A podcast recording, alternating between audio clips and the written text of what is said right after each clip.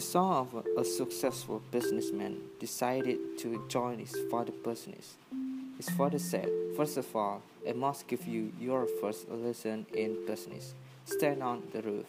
The boy climbed into the roof and stood there. No, son, jump, said his father. But it is ten meters to the ground, said the son. You want to learn about business, right? Yes, Dad.